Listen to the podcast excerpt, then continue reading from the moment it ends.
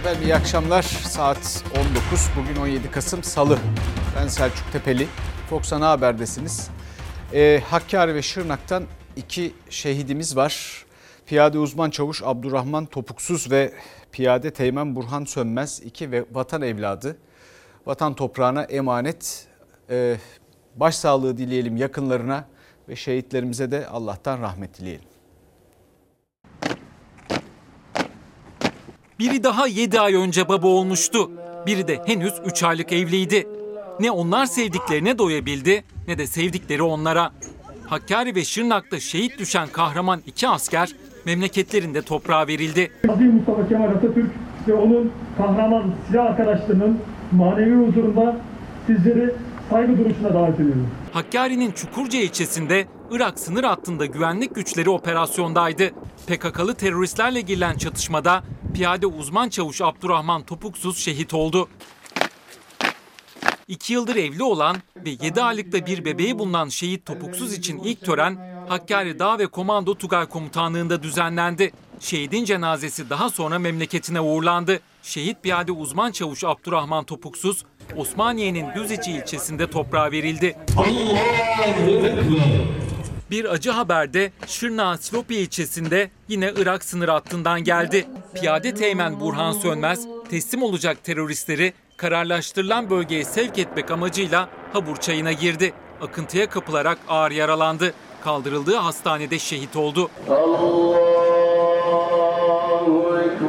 Şehit Sönmez 3 aylık evliydi. Cenazesi helallik alınması için son kez Kayseri'deki baba ocağına getirildi. Şehit asker Kartal şehitliğinde son yolculuğuna uğurlandı. Efendim bugün tabelamız bu saatten sonra. Yani bu salgın meselesi, salgın sınavı, salgınla mücadelemizden ekonomiye kadar bu saatten sonra alınan önlemlere, karşılaşabileceğimiz şeylere, olaylara, durumlara ya da sizin bu saatten sonra diyerek bizimle paylaşacağınız her şeye açığız. Vakit buldukça biz de paylaşmak isteriz. Şimdi e, hemen bu salgın meselesine gidelim. E, bilim kurulu nihayet siyasete durumun ciddiyetini anlatmış gibi görünüyor. Bir acı reçete.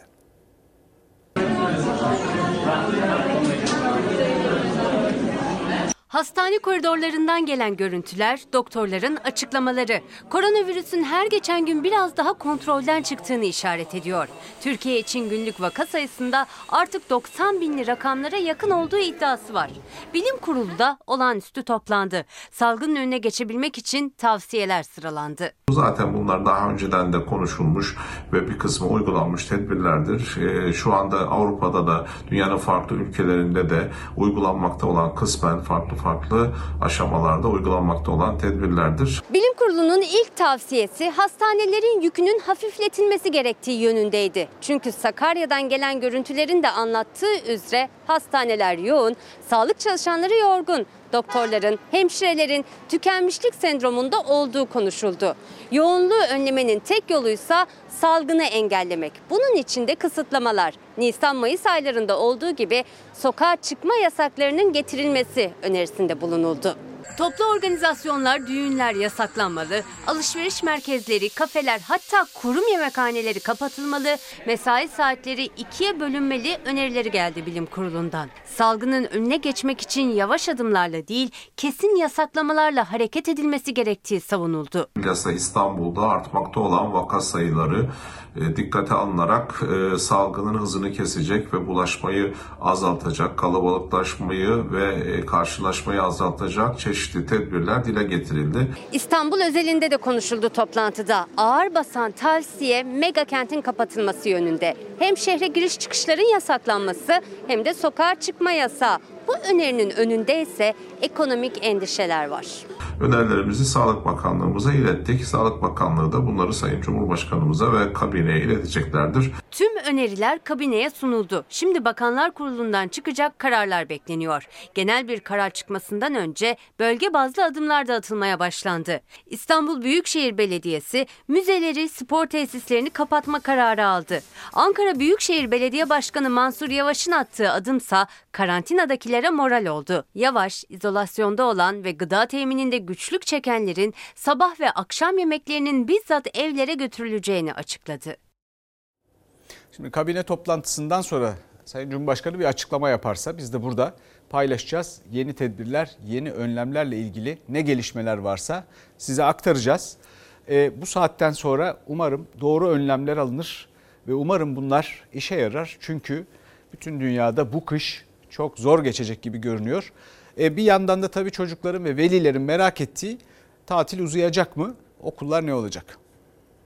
Alınan hiçbir önlem yok. Yani yeterli diyebileceğimiz ve buna ilişkin özel bir tedbirin hayata geçirildiği yok. Bu sınavların ertelenmesi gerçekliğiyle karşı karşıya kalıyor olmamız Eğitim Sen'in iddiasına göre gençleri, aileleri ve öğretmenleri bekleyen tehlike lise sınavları. Tüm öğrencilerin okulda girecekleri bu sınav için yeterli tedbirlerin alınmadığını söyledi eğitimciler. İddiaya göre Milli Eğitim Bakanlığı yüz yüze eğitime geçildiği günden bu yana da iyi bir sınav vermedi. Bir buçuk aylık zamanda İstanbul'da 221 okulda 198 öğretmen, 899 öğrenci, 55 personele COVID-19 teşhisi kondu. Eğitim Sen koronavirüs vakalarının eğitimde de şeffaf olmadığını savundu. Sağlık Bakanlığı nasıl verileri e, kısıtlı bir şekilde açıklıyorsa, Milli Eğitim Bakanlığı meseleye ilişkin pembe tablo çiziyorsa aynı şekilde iş yerlerinde de okul idarecileri bu bilgileri saklayarak aslında toplumu sağlığını olumsuz etkileyecek noktaya sebebiyet vermiş oluyorlar. Bilim Kurulu toplantısında ara tatile giren okullarda tamamen uzaktan eğitime geçilmesi de konuşuldu. Henüz net bir karar yok ama hangi karar verilirse verilsin lise sınavları yüz yüze yapılacak. Lise yaş grubundakilerin virüsü küçük yaştaki çocuklara göre daha fazla yaydığı biliniyor. İşte bu nedenle sınavda oluşacak yoğunluk için daha fazla tedbir istiyor eğitimciler.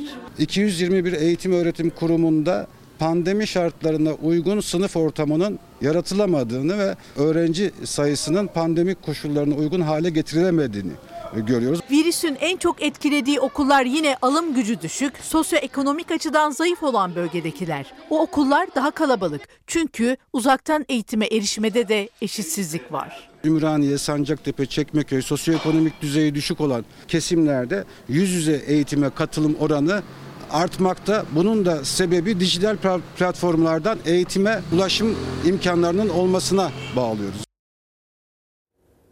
Efendim şimdi dünyadaki durum feci. Bizdeki de feci muhtemelen ama biz tam olarak verilere hakim olmadığımız için, şeffaf olmadığı için bizdeki veriler nasıl yansıtacağız bütün gün kıvranıp duruyoruz. Dünyadaki verilerse biliyorsunuz e, vaka sayısının bu kış şu anda 55 milyona koşuyor. Her gün 1 milyon yeni vaka kayıtlara geçiyor. Bu bundan 6 ay kadar önce yani bu salgının ilk aylarında ilk 1 milyon vaka için 3 ay geçmesi gerekmişti. Şimdi her gün 1 milyon vaka kayıtlara geçiyor. Bu arada da e, can kaybı sayısı bütün dünyada 1,5 milyona yaklaştı neredeyse. Durum o bakımdan ciddi. E, bir de aşı umudu var. Yalnız Dünya Sağlık Örgütü diyor ki o kadar çabuk umutlanmayın. Çünkü bu aşının hangi yaş gruplarında nasıl bir etkisi olacak? Ee, insanlara nasıl ulaştırılacak? Bunu görmemiz lazım. O bakımdan da hemen ümitlenmemekte fayda var. E o zaman ne yapacağız? Aşı kadar en az eğer doğru maske doğru takılırsa %90'a kadar koruduğunu bildiğimiz maske başta olmak üzere tedbirlere uyacağız. Peş peşe gelen aşı haberleri Covid-19 salgınına umut oldu. Dünya Sağlık Örgütü rahatlamayın uyarısı yaptı. Covid-19 salgınında bugüne kadar görülen vaka sayısı 56 milyona doğru ilerliyor. Dünya genelinde aktif vaka sayısı ise 16 milyon sınırında. Salgında ölenlerin sayısı 1 milyon 340 bine yakın. Yazın bitmesiyle birlikte dünya Covid-19'da ikinci dalga etkisine girdi. Özellikle Kuzey Amerika ve Avrupa'da vaka sayıları hızla arttı. Birçok Avrupa ülkesi tedbirleri arttırdı, yasaklar devreye girdi. Alınan sıkı önlemler yavaş da olsa etkisini göstermeye başladı. 6 Kasım'da 60 binin üzerinde günlük vaka açıklayan Fransa'da sokağa çıkma yasağı sonrası günlük vaka sayısı ilk kez 10 binin altına indi. Sadece Fransa'da değil, yasakların devreye sokulduğu Almanya, İspanya, Hollanda gibi birçok Avrupa ülkesinde de vaka sayıları düşüşe geçti. Gözlerse Covid-19'a karşı geliştirilen aşılarda. Rusya ve Çin'in ardından Almanya ve Amerika'dan da aşı müjdeleri geldi. Dünya Sağlık Örgütü ise aşılara tedbirli yaklaşılmasından yana olduğunu açıkladı. Geliştirilen aşıların koruma süresi, ağır hastalıklar ve özellikle yaşlılar üzerindeki etkisi hakkında hala soru işareti olduğunu belirtti. Bir başka merak konusu da aşıların ücreti. Fiyatlar merak edilirken Belçika hükümeti salgına karşı geliştirilen potansiyel aşıların ülkede ücretsiz olacağını açıkladı. Zorunluluğu bulunmayan aşıda öncelikse sağlık çalışanları ve yaşlılarda olacak. Bir kıymetli izleyicimiz demiş ki bu saatten sonra tekrar karantina önlemleri acilen alınmalıdır. Yoksa Covid-19 ile mücadelede vahim bir hal oluşmaya başlar. Şimdi biz de kabineden yapılacak açıklamayı bekliyoruz. Kabineden sonra, kabine toplantısından sonra. Bir başka izleyicimiz de demiş ki e, bu saatten sonra ne yapılabileceğini düşünüyorsunuz? Ah, bu bana ilginç bir şey hatırlattı. Emmanuel Kant ünlü bir felsefecidir. E, ona soruyorlar bu konuda ne yapmayı düşünüyorsunuz diye. O da cevap veriyor. Düşünmek ve yapmak mı? İkisi birden benim için çok fazla. Şimdi böyle zihin yakan meselelerden bir tanesine gelelim. O mesele Kanal İstanbul meselesi biliyorsunuz. Ekrem İmamoğlu hakkında bir soruşturma başlatılmıştı. Soruşturma Kanal İstanbul öncedendi ki bir devlet politikası. Sonra usulca o bir devlet projesine dönüştü dilde. Çünkü devlet politikası olmasının ulusal başka prosedürleri var. Devlet projesi ise yani ne olduğunu şu anda bilmediğimiz bir şey. Sonra ayrıca niye soruşturma açıldığı konusunda da bir tartışma yaşandı. Orada da şöyle bir açıklama geldi. Ee, yani itiraz ettiği için değil. E, bunu işte bir pankatla tabelayla yaptığı ve bunu da kamu kaynaklarından yaptığı için. E, bununla ilgili tartışmalar sürüyor fakat Ekrem İmamoğlu'ndan İstanbul Büyükşehir Belediye Başkanı'ndan bu tartışmalara ve soruşturmaya cevap geldi. Cevap da yani yanıtı da ya Kanal ya İstanbul oldu. Denizin bu hali size garip gelebilir. Ne yazık ki biz alıştık. Doğanın ölüp betonların yaşamasına. Hakkında başlatılan soruşturmaya kameralar önünde çok da fazla girmemişti İmamoğlu. Akşam saatlerinde sosyal medyadan bir video paylaştı. O videoda bir kez daha ya Kanal ya İstanbul sözleriyle İçişleri Bakanlığı'nın devlet politikası haline geldi dediği projeye itirazını dile getirdi. Hükümet bir projeye adım attığı itibaren o bir devlet yatırımı. Şu anda bir devlet yatırımıdır bu. Yani sadece bir hükümet yatırımı değil. Kanal İstanbul için e, devlet projesi deniliyor soruşturma için yapılan açıklamada. E, Kanal İstanbul bir devlet projesi mi?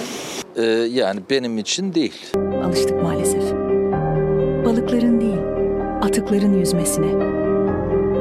Muhalefet Ekrem İmamoğlu hakkında soruşturmanın gerekçesini projeye itiraz olarak açıklıyor. İçişleri Bakanlığı ise devlet projesine itirazı kamu kaynağı kullanarak yaptı diyor. İçişleri Bakanı Süleyman Soylu ise soruşturmanın arkasında. Gazeteci Fatih Altaylı'ya konuştu. Talimatı ben verdim dedi. Benim onayımla yürürlüğe girmiştir. Soruşturma safhası yine bana gelecek, benden çıkacaktır. Kamu kaynağı kullanıp kentsel dönüşüm yapıyoruz. Yapılan iyi şeyleri alkışlarız biz. Burada zayıf oturulamayan evlerden insanları oturulabilir evlere taşıyoruz.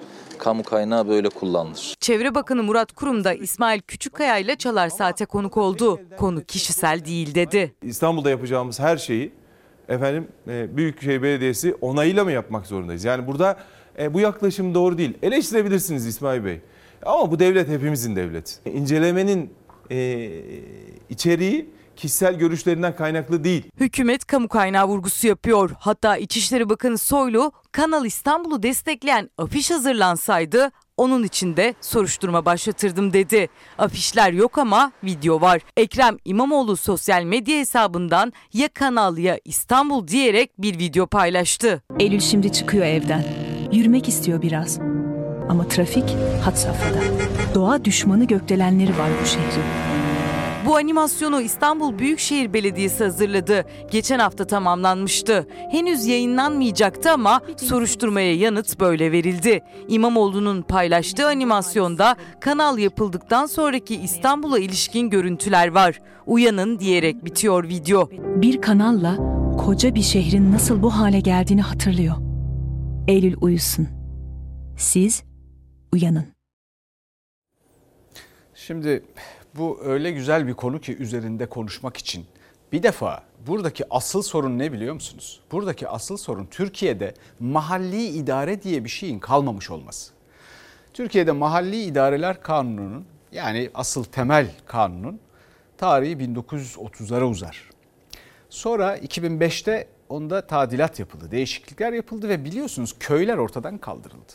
Mahalle haline getirildi, büyük şehirlere bağlandı, büyük şehir e, yasasıyla e, ve büyük şehirlerin içinde herhangi bir ilçede, herhangi bir yerde bir arazi, bir arsa eğer istiyorsa tümüyle orada kaç kat olacağı, nasıl bir proje olacağı Çevre ve Şehircilik Bakanı'na bağlandı. Yani Sayın Murat Kurum'a. Şimdi Sayın Kurum diyor ki bu devlet hepimizin devleti. İşte mesele de burada. Acaba öyle mi?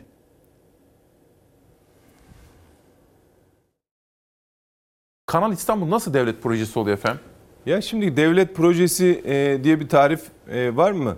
Yani bütün vatandaşımızı, şehirlerimizi, ülkemizi ilgilendiren her proje bana göre devlet projesidir. Kanal İstanbul devlet politika. Bununla ilgili özel bir yasa çıktı mı? Hayır. Yok kardeşim. Onu yemezler. Başkaları yer, bekçilik yapanlar yer, CHP'liler yemez kardeşim. Nasıl bir kavram uydurdular Kanal İstanbul için? Neymiş? Bu proje devlet projesiymiş. Dolayısıyla hiç kimse buna eleştiremezmiş. Böyle bir şey yok arkadaşlar. Böyle bir şey yok. Kanal İstanbul bir devlet politikası mı yoksa iktidar projesi mi? Ekrem İmamoğlu için başlatılan İçişleri Bakanlığı incelemesinden sonra siyaset yangın yeri. Muhalefet ayakta. Kılıçdaroğlu yemezler çıkışıyla ses yükseltirken Ali Babacan uydurma kavramlar dedi. İktidarsa devlet politikası olduğunda ısrarcı tartışma büyük. Milli Güvenlik Kurulu'nda görüşüldü mü bu devlet politikası haline gelsin diye? Yok. Niye devlet politikası? Çünkü bir kişinin kararı devlet sayılıyor. Şahsım devleti diyor ya. Ben söyledim. Tamam artık bu bir devlet politikasıdır. Türkiye tek bir kişiden büyüktür. Hiç kimse milyonlarca insanın oyuyla seçilmiş kişilerin eleştirilerine karşı yeni şeyler icat etmesin. Devlet projesiymiş, şuymuş, buymuş. İçişleri Bakanlığı Mülkiye Müfettişliği tarafından İmamoğlu'na gönderilen ve yazılı ifadesinin istendiği o belge sonrası koptu fırtına. O belgede devlet politikası haline gelmiş ve kamu kaynağı kullanarak yürütülen bir projeye yine kamu kaynağı kullanılarak muhalefet edilmesi mümkün değil ifadeleri yer aldı. Çevre ve Şehircilik Bakanı Murat Kurum'un sözleri ise kafaları karıştırdı. Bu devlet bütçesinden karşılanarak yapılması öngörülen bir proje değil. Bir kere burayı bir kenara koy. Kanal İstanbul. Evet. Devletimizin yatırım yaptığı her proje devlet projesidir. Kanal İstanbul için e, devlet projesi deniliyor soruşturma için yapılan açıklamada. Benim için değil. Ekrem İmamoğlu için başlatılan Kanal İstanbul incelemesine en yüksek tondan ve sert sözlerle tepkili muhalefet. Konu İstanbul, konuşması gereken kişi de İmamoğlu diyor. İktidar da muhalefeti konuyu çarpıtmakla suçladı. Talimat veriyorlar. Afişleri kaldıracaksın. Niye kaldırayım? Ya kanal ya İstanbul. Ya felaket veya huzur içinde yaşadığı bir İstanbul. Cumhuriyet Halk Partili belediye başkanları beldenin çıkarları söz konusu olduğu zaman konuşmak zorundadırlar. Tabii ki eleştireceğiz. Tabii ki yanlışlarını yüzlerine vuracağız.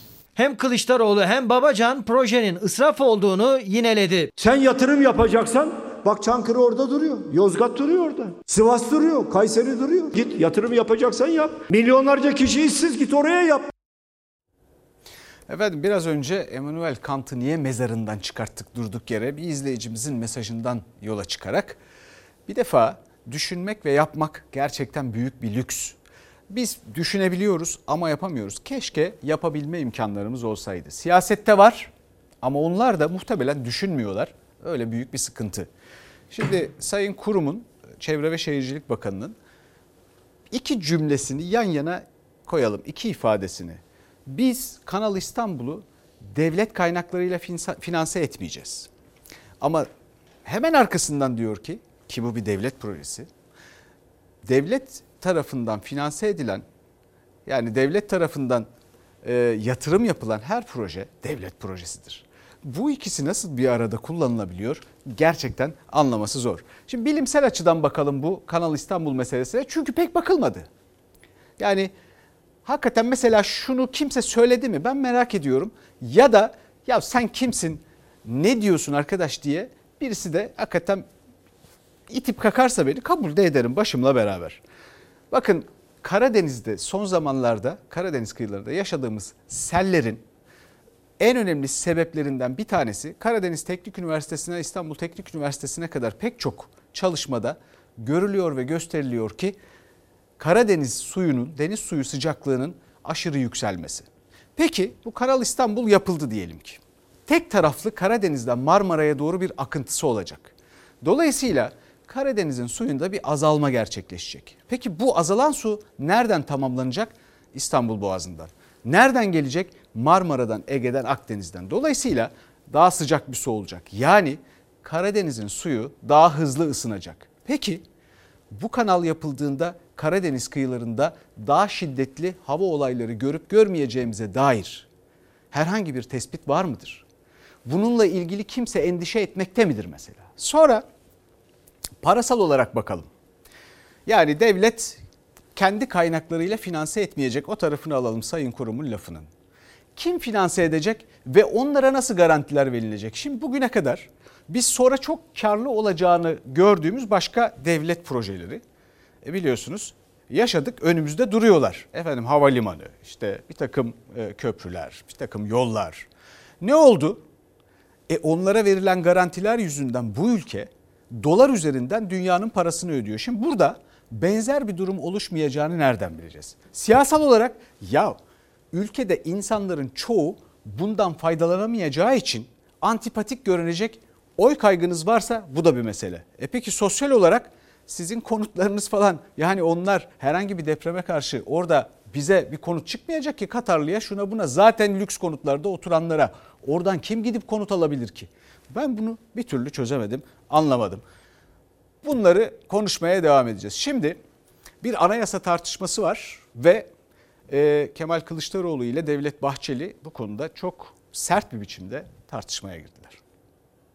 Zilletin dört temsilcisinin kurulduğu anayasa hazırlık masasına PKK kurmuş, yazım işinin yapılabilmesi için ihtiyaç olan kalem siparişi de FETÖ'ye verilmiştir. Hayretle izliyorum. Böyle bir şey yok. Kemal Kılıçdaroğlu hayreti mayreti bıraksın, haysiyetle itiraf etsin. Yok böyle bir şeydi. Ben zaten öldüm anlatırken. MHP lideri Bahçeli, Millet İttifakı ortakları HDP ile birlikte anayasa çalışması yaptılar iddiasını bir adım ileri taşırken sertti. Millet İttifakı'ndan gelen böyle bir çalışma yok açıklamalarına kulak tıkadı. Yeni iddia ve suçlamalarla Kılıçdaroğlu'nu hedef aldı. Bu ayıplı Kılıçdaroğlu nereye koşuyor? Hangi rezil kucaklara atılmak için çırpınıyor? Cumhuriyet Halk Partisi'nin bir özelliği var. Biz bütün siyasi partilerle görüşen tek partiyiz. A partisi, B partisi veya C partisi. Kusuru var, kabahati var, yasalara aykırı işlem yapıyorsa bu devletin savcısı vardır, hakimi vardır, anayasa mahkemesi vardır, gereğini yapar. HDP'ye kızıyorlar. E kardeşim, HDP'li meclis başkan vekili meclisi yönetiyor değil mi? Sen de MHP milletvekili olan elini kaldırıp ondan söz istiyorsun. Ben konuşabilir miyim diye. Bir şey söylüyorsanız bir mantık bütünlüğü olması. Anayasanın ilk üç maddesiyle koruyucu zırh olan dördüncü maddesi kırmızı çizgimizdir. Türklüğü anayasadan çıkaracak bir kokuşmuş henüz anasından doğmamıştır. Hadi doğdu varsayalım. O zaman geldiği gibi gitmesi de bizim için şerefli bir vatan vazifesidir. Bahçeli ilk dört madde kırmızı çizgimizdir restiyle ateşledi anayasa polemiğini. Kılıçdaroğlu MHP liderinin iddialarına CHP grup kürsüsünden anında yanıt verirken milliyetçilik ve ülkücülük kartını açtı. Sarayın bekçiliğini yapmakla eleştirdi Bahçeli'yi. İmralı'ya masa kurana destek vereceksin. Ülkücüyüm, milliyetçiyim diyeceksin. Ona karşı çıkana da efendim sen neden AK Parti'yi desteklemiyorsun diyeceksin. Desteklemem. Ben vatanımı seviyorum. Bayrağımı seviyorum, milletimi seviyorum. 83 milyonu seviyorum ben. Hodri meydan her kim aksi yönde hain bir mücadelenin içinde olacaksa önce bizim bedenlerimizi çiğnemek ve toprağa gömmek durumundadır. Seçim dönemi olduğunda teröristin mektubunu alırlar, okuturlar ve sahip çıkarlar. Sonra da piyasaya çıkıp ben ülkücüyüm, ben milliyetçiyim derler. Sen ne ülkücüsün ne de milliyetçisin kardeşim. Bahçeli Kılıçdaroğlu resleşmesiyle anayasa masası polemiğinde tansiyon tavan yaptı. Efendim bu saatten sonra tabii bu polemik bu aşamaya geldikten sonra şunu söylemek lazım. Türkiye'de herkes legal tüm partiler anayasa çalışması yapabilirler. Fikirlerini ileri sürebilirler. Böyle bir özgürlük olduğunu düşünüyoruz. Her ne kadar Türkiye bir orta demokrasi tuzağında bulunsa bile. Fakat bütün bu tartışmaların kökeninde ve aslında suistimallerin ya da bir şekilde siyasetin asıl konuşması gereken konulardan uzaklaşmasının temelinde arkasında PKK terör örgütüne mesafe koymak var. Mesafe koymanın da ötesinde reddetmek var. Şimdi bunu HDP eğer yaparsa bu meselelerin çoğu hallolacak ki Türkiye'de zaten seçmenin bu ülkenin partisi olma yolunda onlara kucak açtığını gördük. Bunu değerlendirmelerinde fayda var ve bu polemiklerin böylece sona ermesinde ha bir yandan da şu var. Eğer muhalefet malzeme vermek istemiyorsa zaten bunu yapsalar, şimdiye kadar yapsalar epey vakit kazanılırdı. Efendim şimdi ekonomi, yargı, bütün bunlarla ilgili biliyorsunuz bir e, reform rüzgarı esiyor. E, bakalım o reform rüzgarının sonunda bir yağmur da yağacak mı?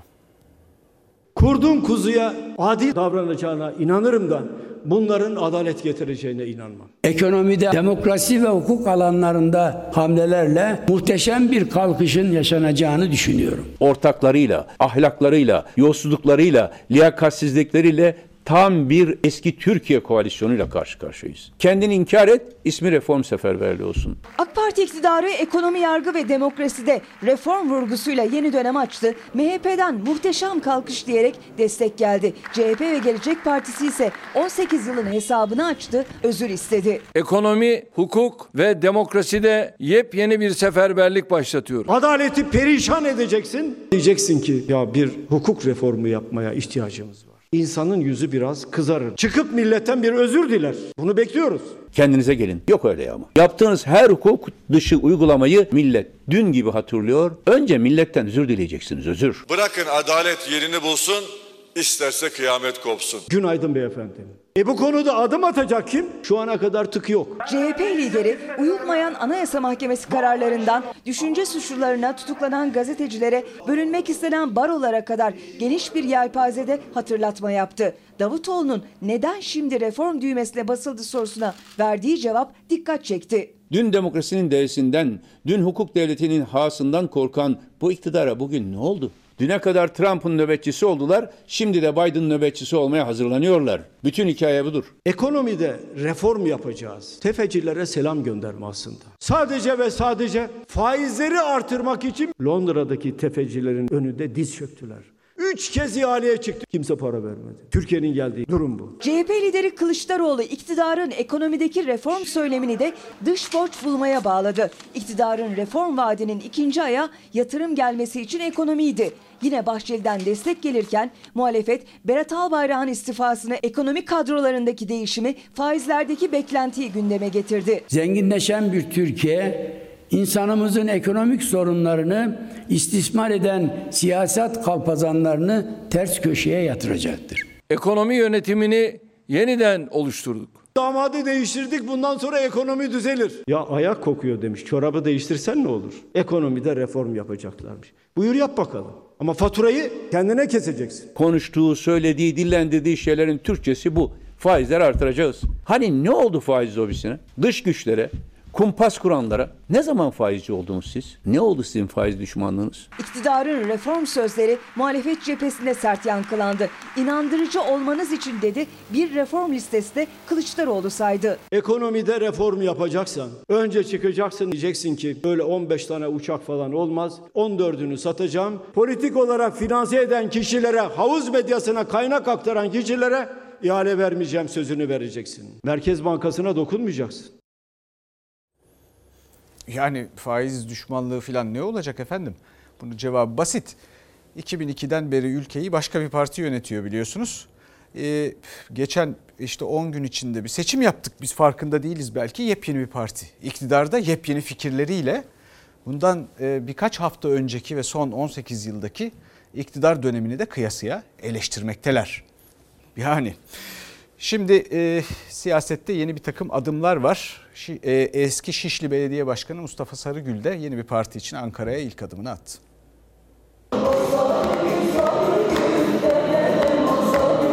Ankara'ya zaman tükenmeye değil, iktidarın mührünü teslim olmaya geliyoruz. Türkiye Değişim Hareketi lideri Mustafa Sarıgül iktidar sloganıyla sahalara indi. Umudun hareketi Türkiye'nin yeni yolu olacağız dedi. Ankara'dan siyasete mesaj gönderdi.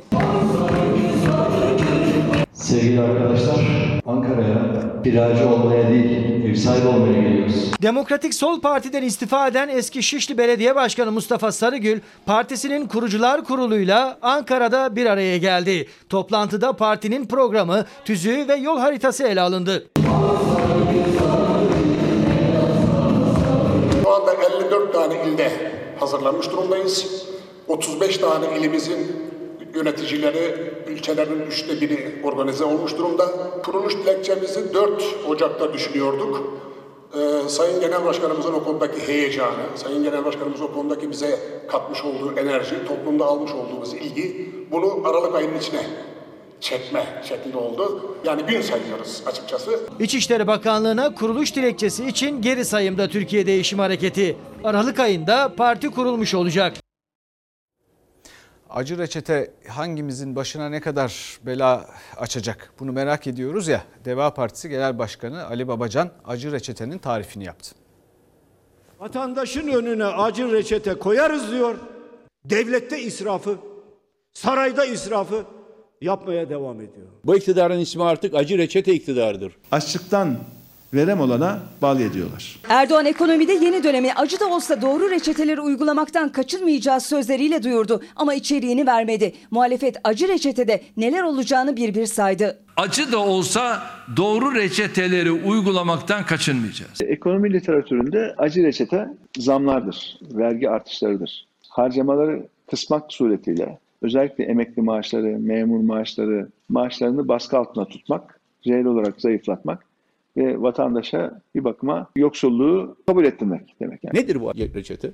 %30'a ulaşmış işsizlik daha da mı artacak? Zamlar daha da mı artacak? Bakın faizlerde artış yapacaklar.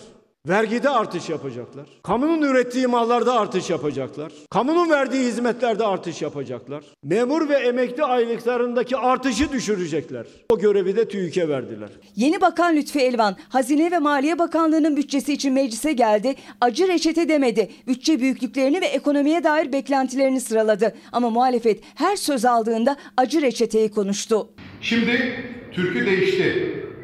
Bu sefer acı reçete türküleri başladı. Bakanları değiştirmekle oyun değişmez. IMF'ye mi gideriz beyefendi? Gideceksiniz oraya da hiç merak etmeyin. Oradasınız, o yoldasınız. Ekonomide bir acı reçete konuşuldu. Bir de Erdoğan'ın ekonomi pik yaptı sözleri. Şu anda Türkiye ekonomide pik yapıyor.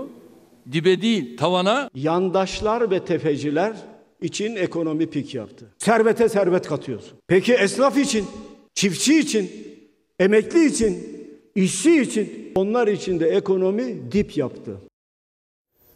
Şimdi bize acı reçete ama iktidar kanadında tedavi henüz başlamamış gibi görünüyor. Çünkü bir e, Kıbrıs, Kuzey Kıbrıs Türk Cumhuriyeti ziyareti var ki piknik için. Bakın neler olmuş. Kıbrıs'a gittiler. Ama nasıl gittiler? Bir uçak Recep Tayyip Erdoğan için. Bir başka uçak Milliyetçi Hareket Partisi Genel Başkanı Bahçeli için. Bir başka uçak bakanlar ve heyetler için. Mevlüt Çavuşoğlu için ayrı bir uçak. İki uçakta korumalar. Hani var ya bizde ayranı yok içmeye diye. Kuzey Kıbrıs Türk Cumhuriyeti'nin kuruluş yıl dönümünde Ankara'dan adaya gidiş şekli siyaseti ısıttı. Kılıçdaroğlu israf sayfasını açtı. 6 uçakla gidildi dedi. İyi Parti Lütfü Türkkan sayıyı 7 diye verdi. 7 tane uçakla gitmek İBAN numarası isteyen bir devlete yakışmıyor. Bir taraftan vatandaştan İBAN'la 10 lira isteyeceksiniz.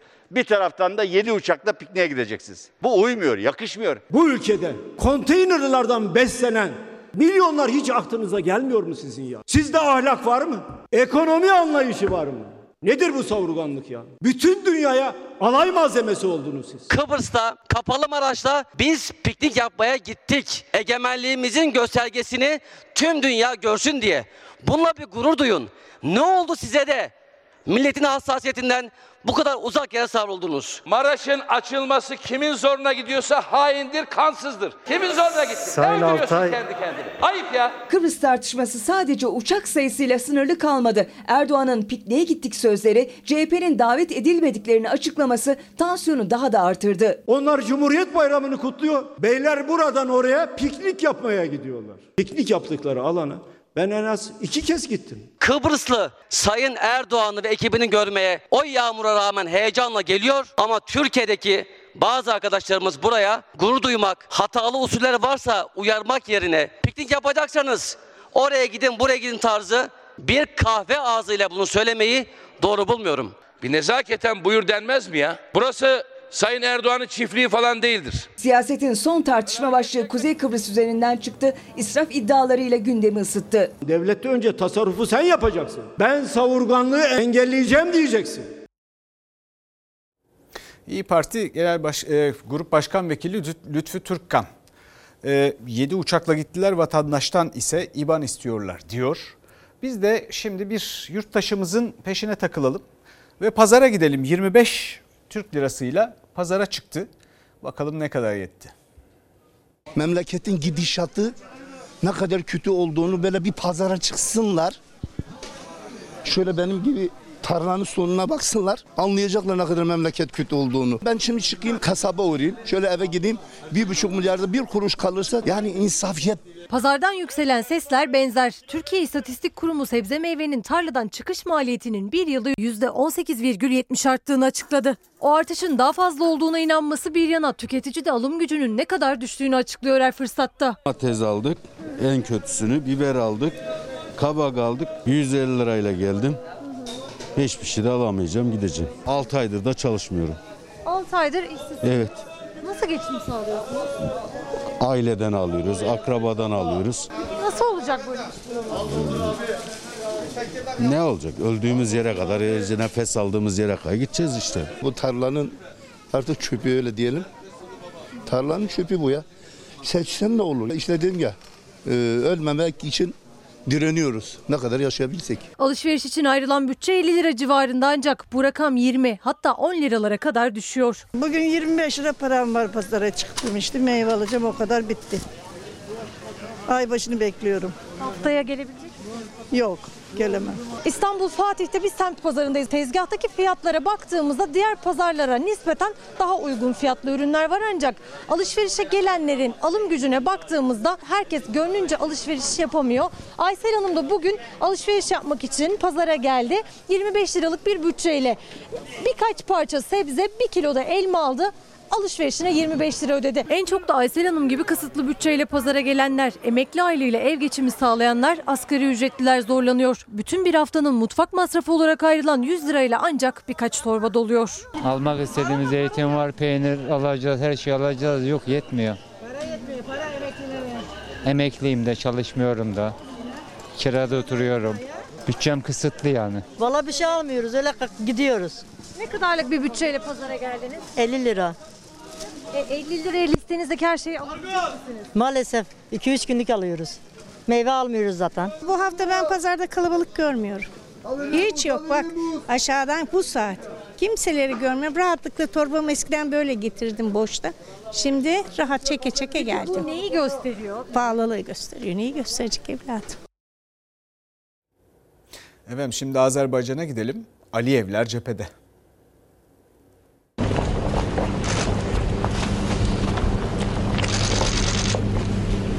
Ermeni uydurmalarını mahvettik. Onları yerine oturttuk. Onlar bizim kabağımıza diş çöküpler. Bak budur bizim gücümüz. Budur bizim birliğimiz. Demir yumruk sizin başınızı ezdi. Aliyev Karabağ'da cepheye gitti, işgalden kurtarılan bölgelerde dolaştı. Azerbaycan bayrağını göndere çekti. Bu damgayla onlar bundan sonra yaşayacaklar. Rezalet damgasıyla yaşayacaklar. Biz ise Gruz ile yaşayacağız. Rezil vaziyette olan Paşinyan 7 şart bize ileri sürdü. Başına vurdu bütün o şartları. Azerbaycan ordusu 44 gün süren harekatta Ermenistan'ı bozguna uğrattı. Aralarında Fuzuli, Cebrail, Şuşa gibi şehirlerin olduğu yaklaşık 250 yerleşim yerini işgalden kurtardı. Paşinyan ne oldu be? Bu ne oldu Paşinyan? Cumhurbaşkanı İlham Aliyev harekatın tamamlanmasının ardından ilk kez cephe hattına gitti. Yanında eşi Mihriban Aliyeva da vardı. Askeri üniforma giyen Aliyev, işgalden kurtarılan bölgede kendi kullandığı araçla dolaştı, gövde gösterisi yaptı. Cabrail şehrine giririk. Bak buradır. Cabrail şehrinin merkezi. Bir tane de salamat binayı. Fuzuli ve Cebrail'e giden İlham Aliyev'i halk sevinç gösterileriyle karşıladı. Azerbaycan lideri işgal ettikleri yerleri terk ederken evleri yakan, ağaçları kesen Ermenistan güçlerine sert çıktı. İrivan'ın tüm yaptıkları için tazminat ödeyeceğini söyledi. Cevap vereceğim. Beynelhak mahkemelerde cevap vereceğim. Azerbaycan Cumhurbaşkanı Karabağ özellik verileceği iddialarını ise yalanladı. Karabağ bizimdir, Karabağ Azerbaycan'dır. İzleyicilerimizden birkaç mesaj paylaşayım. Bir izleyicimiz demiş ki bu saatten sonra Türkiye aşı konusunda işini asla şansa bırakmasın.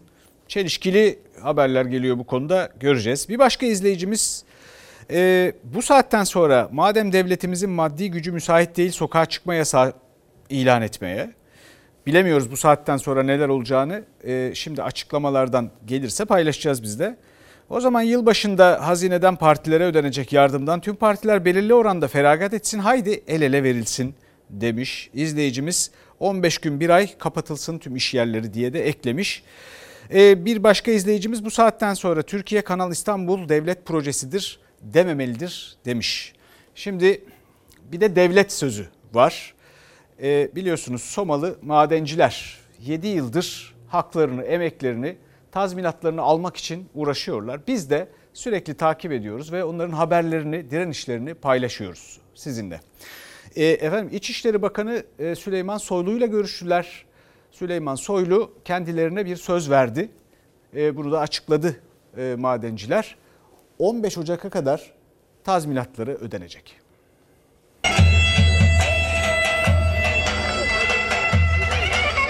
Süleyman Soylu dedi ki bize bir tarih verdim. Açık ve net. 2021 birinci ayın 15'i. Biz de dedik ki müjde verebilir miyiz? Verebilirsiniz dedi. 7 yıllık alın teri mücadelesi zaferle sonuçlandı.